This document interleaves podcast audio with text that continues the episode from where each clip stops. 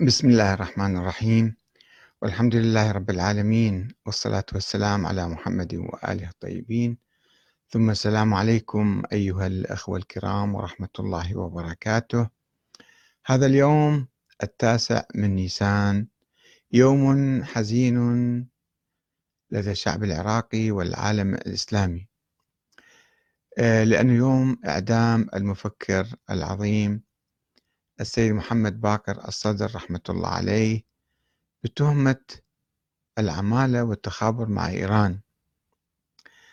طبعا آه، محكمة ما يسمى محكمة الثورة آه، اللي تتلقى أوامرها من الحاكم الطاغية صدام وتنفذ وهو يوقع عليها. مرة ثانية أنه نعم وافقنا كما نشر اليوم أو هذه الأيام الشيخ قيس الخزعلي نشر كتابا حول هذا الموضوع ونشر وثيقة اللي موقع بها صدام على إعدام السيد الشهيد الصدر يوم 6 نيسان ونفذ الإعدام في يوم 9 نيسان.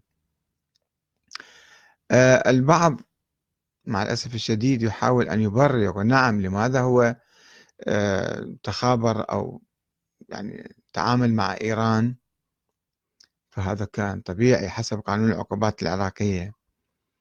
وأيضا آه، البعض يحاول يقول لماذا لم يتفاوض؟ يعني صدام حسين أعطاه فرصة تقريبا آه، سنة 11 شهرا آه، بعد انتصار الثورة الإيرانية وأكثر من سنة يمكن. وظل يتفاوض وياه أنه أنت أقطع علاقتك مع إيران. وأيد النظام وأسحب الفتوى اللي أصدرتها ضد حرمة حزب الانتماء لحزب البعث. كما أن السيد الخوي مثلا أصدر فتوى بجواز الانتماء لحزب البعث. أنت متى صدر فتوى هالشكل. أه في الحقيقة هؤلاء يعني يغفلون عن شيء مهم جدا هو أن النظام العراقي نظام ديكتاتوري مستبد وغير شرعي. وبالتالي لا يحق له أن يحاكم أي شخص على مواقفه الثورية والثورة عليه حق مشروع في قوانين السماء وقوانين الأرض أيضا.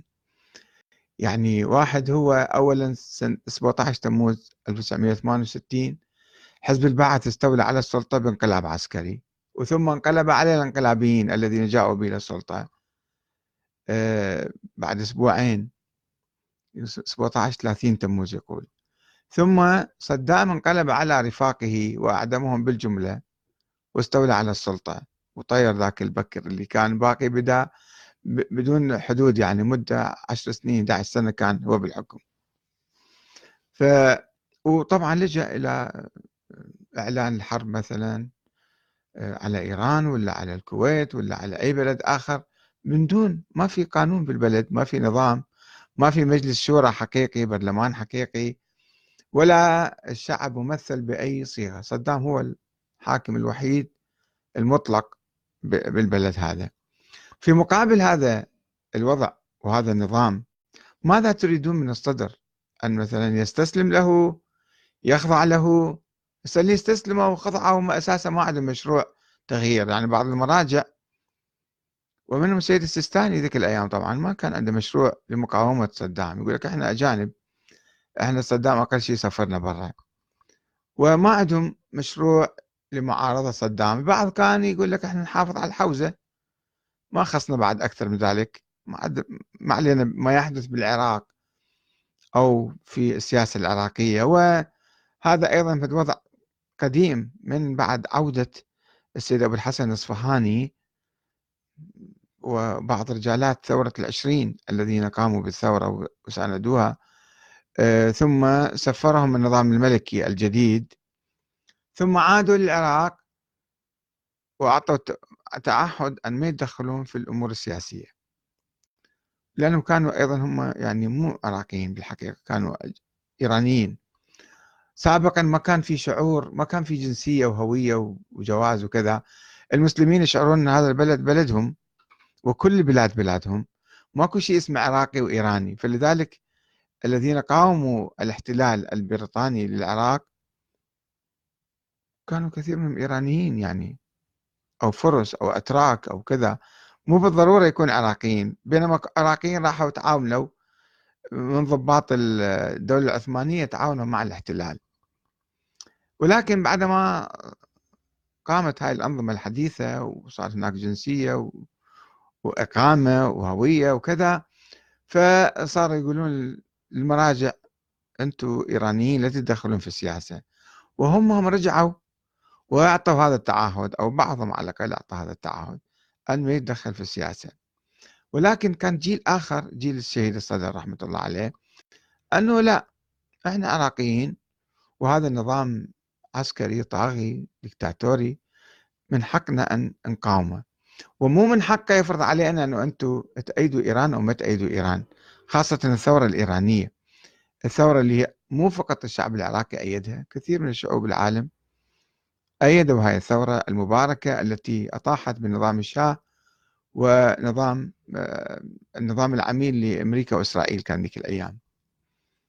ف طبعا كانت هناك حالة شعبية أيضا تؤيد هذه الثورة وتأمل بتفجير ثورة في داخل العراق ضد هذا النظام الطاغي ولكن هذا النظام استطاع أن يخمد ويقمع ويسحق المعارضة الشعبية وبقي رمزها السيد محمد باقر الصدر أراد أن يخضعه أو يركعه أو يعني يذله أنه تعال لو أنت تتفاوض تعال امدحنا تعال أيدنا واقطع علاقتك مع إيران وكذا أو نأدمك فالسيد الشهيد فضل الشهادة. رحمة الله عليه.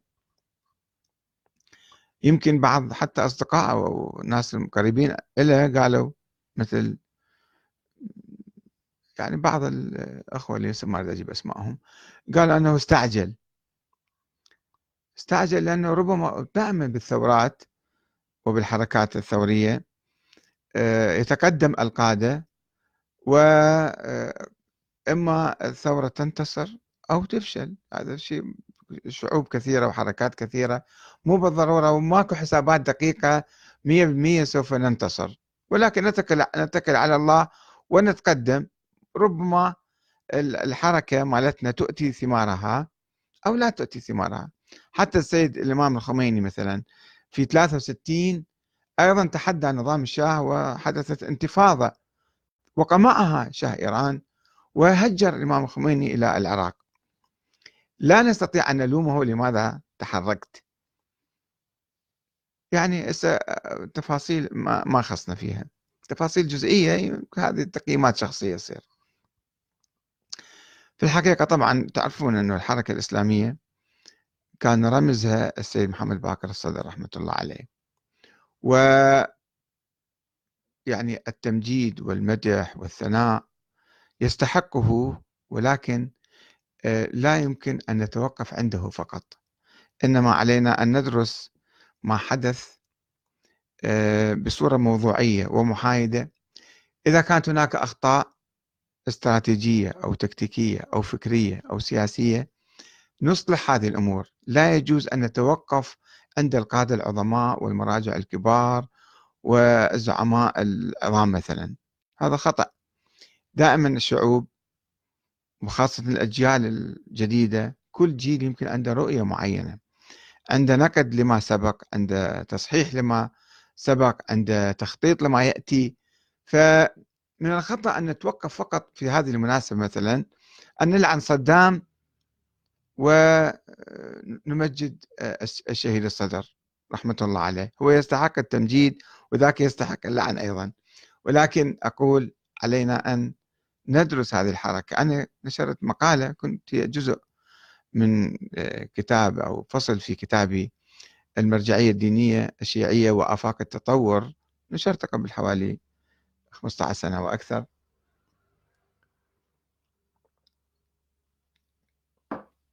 بعض الأصدقاء أو صديق يعني أعتبر هذا نوع من التهجم على الشهيد الصدر أو هذا نوع من.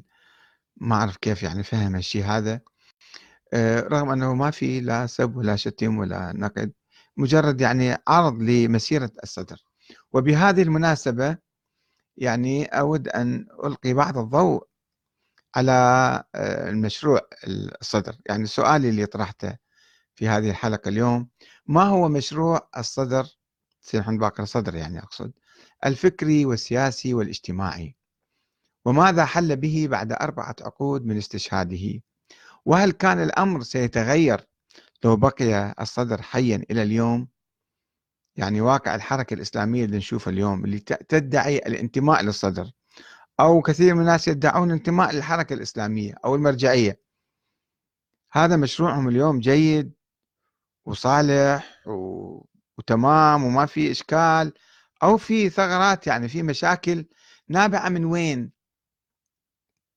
لا لا أريد أن أحمل الصدر المسؤولية ولكن أنا لا أقول أنه هو مثلا كان ينزل عليه وحي من السماء. لا طبعا لم يكن نبيا ولم ينزل عليه من وحي. هو بقدر إمكانه حاول أن يقدم المجتمع العراقي يقدم الحركة الإسلامية في هذا المجال وربما توفق في بعض الجوانب ربما أخفق ربما انسحب إلى الوراء في بعض الجوانب الأخرى. آه، سوف أتحدث بشيء من الإيجاز في هذا الموضوع ولكن أخذ بعض المداخلات.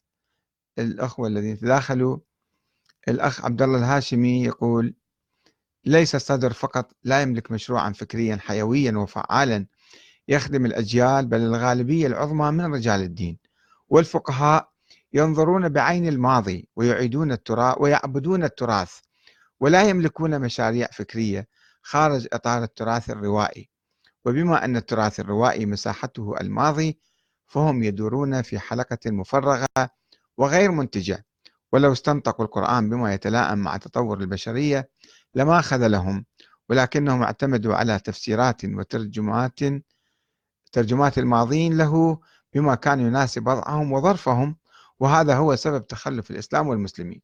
على حال نظرة ربما ناقش فيها أيضا. آه، لا أؤيدها تماما. خالد النشمي يقول تحول مشروع السيد الصدر إلى لعبة يلعبها الصبيان في أزقة السياسة والمشاريع الشيطانية. مهند رحيم الطائي يقول الخلل في المنهج فهو ينتج نفس النتائج وإن تغيرت الأشخاص. خلينا نشوف نظرة تاريخية شوية على مشروع السيد الصدر رحمة الله عليه. تعرفون هو السيد الصدر كان مؤسس أو من مؤسسي حزب الدعوة.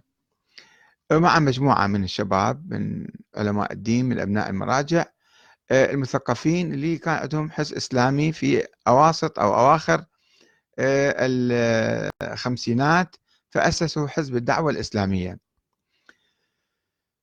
وكان هذا الحزب يختلف عن بقية الأحزاب اللي كانت موجودة عند الشيعة. مو أحزاب مطلبية أو سياسية فقط أنه عنده رؤية آه، يعني رؤية إسلامية أنه نريد أن نقيم دولة إسلامية مو فقط تتقدم ببعض المطالب. آه، وهذا طبعا كان حزب الدعوة آه، والسيد الرفاعي أيضا سيد طالب الرفاعي أيضا كان هو في الحقيقة من ورائه كان متأثر وقاد آخرين في حزب الدعوة. كانوا متأثرين بالأخوان المسلمين وبحزب التحرير الذين كانوا يرفعون شعار الخلافة الإسلامية. يعني هم ذول كانوا يختلفون عن بقية الأحزاب الوطنية الديمقراطية الليبرالية الاشتراكية الكذا أو يعني الأحزاب السياسية العادية أنه إحنا عندنا مشروع حضاري هو إقامة الدولة الإسلامية. وعلى هذا الأساس تأسس حزب الدعوة. خلينا نشوف الأهداف الحزب كما كتبت في ذلك اليوم. واحد تغيير واقع المجتمع البشري إلى واقع إسلامي كل المجتمع الإنساني يعني. اثنين إحلال الشريعة الإسلامية محل القوانين الوضعية. وهذه أيضا نبرة مال الإخوان المسلمين ذيك الأيام. سيد محمد قطب وسيد قطب وكذا كان دائما كل القوانين هاي وضعية مو صحيحة ما يعترفون فيها. وعندنا قوانين جاهزة كاملة اسمها الشريعة الإسلامية. وهذا في نوع من الالتباس في الحقيقة لأنه كثير من القوانين الوضعية هي أيضا مستقاة من الشريعة ومن العقل في مجال في مجال العقل وخاصة ما يتعلق بال بالأنظمة السياسية أو بالنظام السياسي الدستور هذه مو ما موجودة بالشريعة فهم كانوا يرفضوها كلها. ثلاثة تغيير الفرد المسلم وإعداد الطليعة المؤمنة الواعية المجاهدة. بينما الأحزاب الأخرى عندها مشاريع سياسية وما يهمهم. الفرد اللي ينتمي لهم شنو تكون شنو يكون وشنو تكون أخلاقه وأفكاره وعقيدته. آه، أيضا بعث الفكر الإسلامي الأصيل من جديد وتنقيته من الأفكار والمفاهيم الغربية. تهيئة الأمة فكريا وروحيا وسلوكيا حتى تتغير معالم المجتمع الإسلامي بالتدريج ويتحقق المجتمع الإسلامي بجميع مقوماته. تحرير البلاد الإسلامية من السيطرة الاستعمارية الكافرة. دعم وبناء الدولة الإسلامية لتكون النواة لقيام الدولة الإسلامية الكبرى. هذا أيضا شيء شوفوا طموح كبير كان يعني. ودعوة العالم للإسلام بعد ذلك. هسه دعوة العالم بالحسنى بالكلام أو بالسيف مثل الجهاد اللي كان عند الأمويين والعباسيين. أو لا أو العثمانيين أو لا. هذا تقدرون تراجعون كتاب السيد حسين الشامي المرجعية الدينية صفحة 139 وأيضا كان السيد الصدر لعب دور كبير في حزب الدعوة في تأصيل نظرية الشورى. هذا شيء مهم جدا كان حقيقة تحول تاريخي وحضاري في داخل الحزب حين وضع الأسس الفكرية والخطوط العامة لحزب الدعوة. وجاء في الأساس السادس أن شكل الحكم في الإسلام في عصر الغيبة يقوم على قاعدة الشورى. السنة ما عندهم غيبة وما غيبة الحكم يقوم على أساس الشورى في, الأخوان المسلمين. لقوله تعالى وأمرهم شورى بينهم حيث لا يوجد نص من قبل الله ورسوله. وين ما أكو ما أكو نص فنأخذ الشورى. وإن الشورى في عصر الغيبة شكل جائز من الحكم.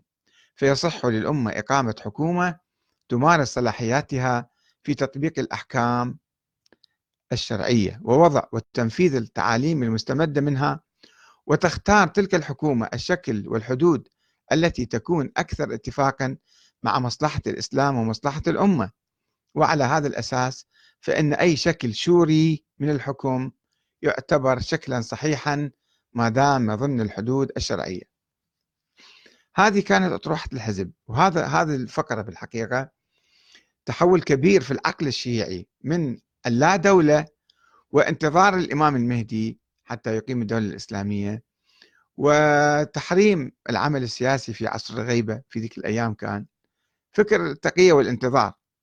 هذا كان مخيم على الحوزة وعلى كذا. وإذا بالسيد محمد باقر الصدر يطرح هذا الفكر المتقدم جدا الذي يشكل ثورة على الفكر الشيعي في الحقيقة فكر الاثنى عشر يعني أقصد.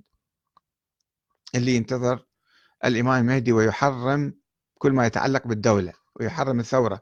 كل راية قبل راية المهدي فهي راية ضلالة وصاحبها طاغوت. هكذا كانوا يقولون. أنا كنت أسمع من الحوزة هذيك الأيام بالستينات. فالصدر شوفوا هنا عنده فكر متقدم جدا. ولكنه مع الأسف الشديد اصطدم بالحوزة. عندما عرض كان طبعا شاب في مقتبل عمره في مقتبل العشرينات كان يعني وأبدع هذا الإبداع وهذا الفكر.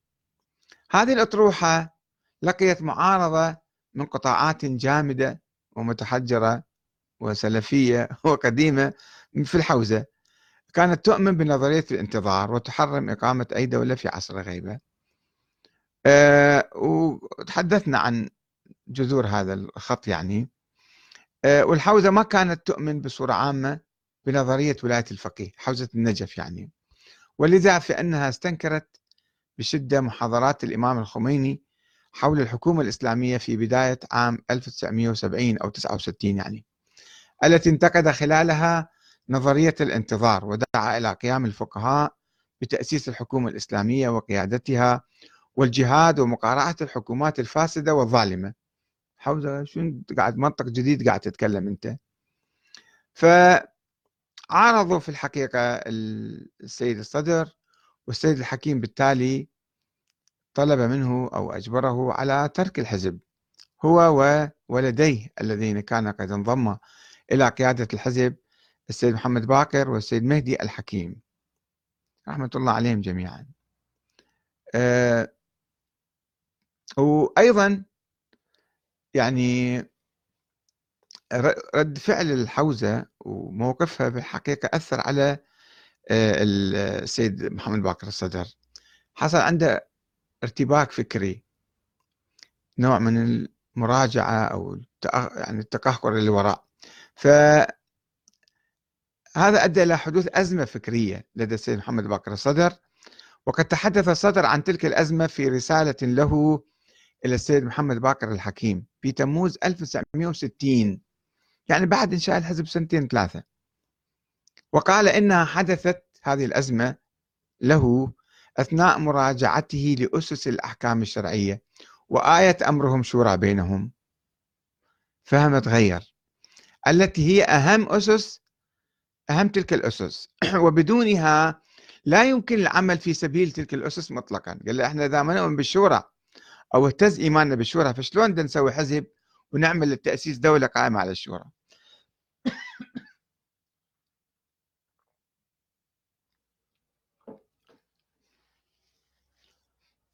معذرة.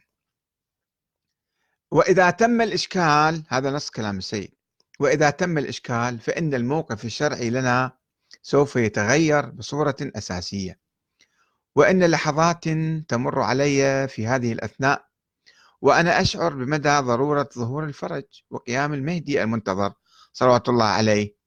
ولا زلت أتوسل إلى الله تعالى أن يعرفني على حقيقة الموضوع ويوقف ويوفقني إلى حل الإشكال. وعلى كل حال فإن حالتي النفسية لأجل هذا مضطربة وقلقة غاية القلق. هذا ما يقوله أو ينقله معروف هذا الشيء يعني صلاح الخرسان في كتابه حزب الدعوة صفحة 114 وقد ذكر السيد محمد باقر الحكيم في مقال نشرته مجلة قضايا إسلامية في إيران آه، أن الشك في دلالة آية الشورى انتهى بالشهيد الصدر إلى الشك في صحة العمل الحزبي الذي لا معنى له في نظره آنذاك. تراجع يعني بالحقيقة عن الحزب وعن فكرة الشورى. إلا إذا كان يتضمن الدعوة إلى قيام الحكم الإسلامي فإذا لم تكن النظرية حول قيام الحكم الإسلامي واضحة فكيف يمكن إيجاد تنظيم يسعى إلى هذا الهدف دون أن يكون نفس الهدف واضح المعالم إذا هو الهدف صار عندنا يعني غائم وغير واضح فليش نأسس حزب وليش نعمل بعد؟ لماذا؟ يتابع السيد محمد باقر الحكيم يقول إن خروج السيد الشهيد الصدر من حزب الدعوة الإسلامية كان لشبهة شرعية تزامنت مع قصة الوشاية التي قام بها حسين الصافي عند السيد الحكيم. أن السيد الصدر لم يعد يؤمن بضرورة الدولة الإسلامية لذلك لم يجد ضرورة لعمل حزب الدعوة الإسلامية الذي أسس لغرض إقامة الحكومة الإسلامية. هذا أيضا يؤكده آه، أحد مؤسسي الحزب اللي هو محمد صالح الأديب في كتابه أو في الكتاب الذي كتب عنه آه، الصادق الوعد صفحات من حياة الداعية المؤسس الحاج محمد صالح الأديب نشر حزب الدعوة. هذا شيء رسمي يعني صفحة 68 طبعا هنا شوفوا يعني صار عندنا هدف آه، هدف كبير وإقامة الدولة وإذا الدولة ما يمكن نقيمها فبعد ما نشتغل ولا نأسس حزب ولا كذا. هذا أيضا خطأ. بينما سيد محمد آه، سيد آه، موسى الصدر لم يضع في في فكره إقامة دولة إنما حركة محرومين مطالب ونجح وكسب شعبية واستطاع أن يحقق كثير. هذا الشيء ما حصل بالعراق ما أجت حركة تحمل مطالب حركة إسلامية أقصد تحمل مطالب موضوعية و بعيدا عن إقامة الدولة وكيف شكلها مثلا.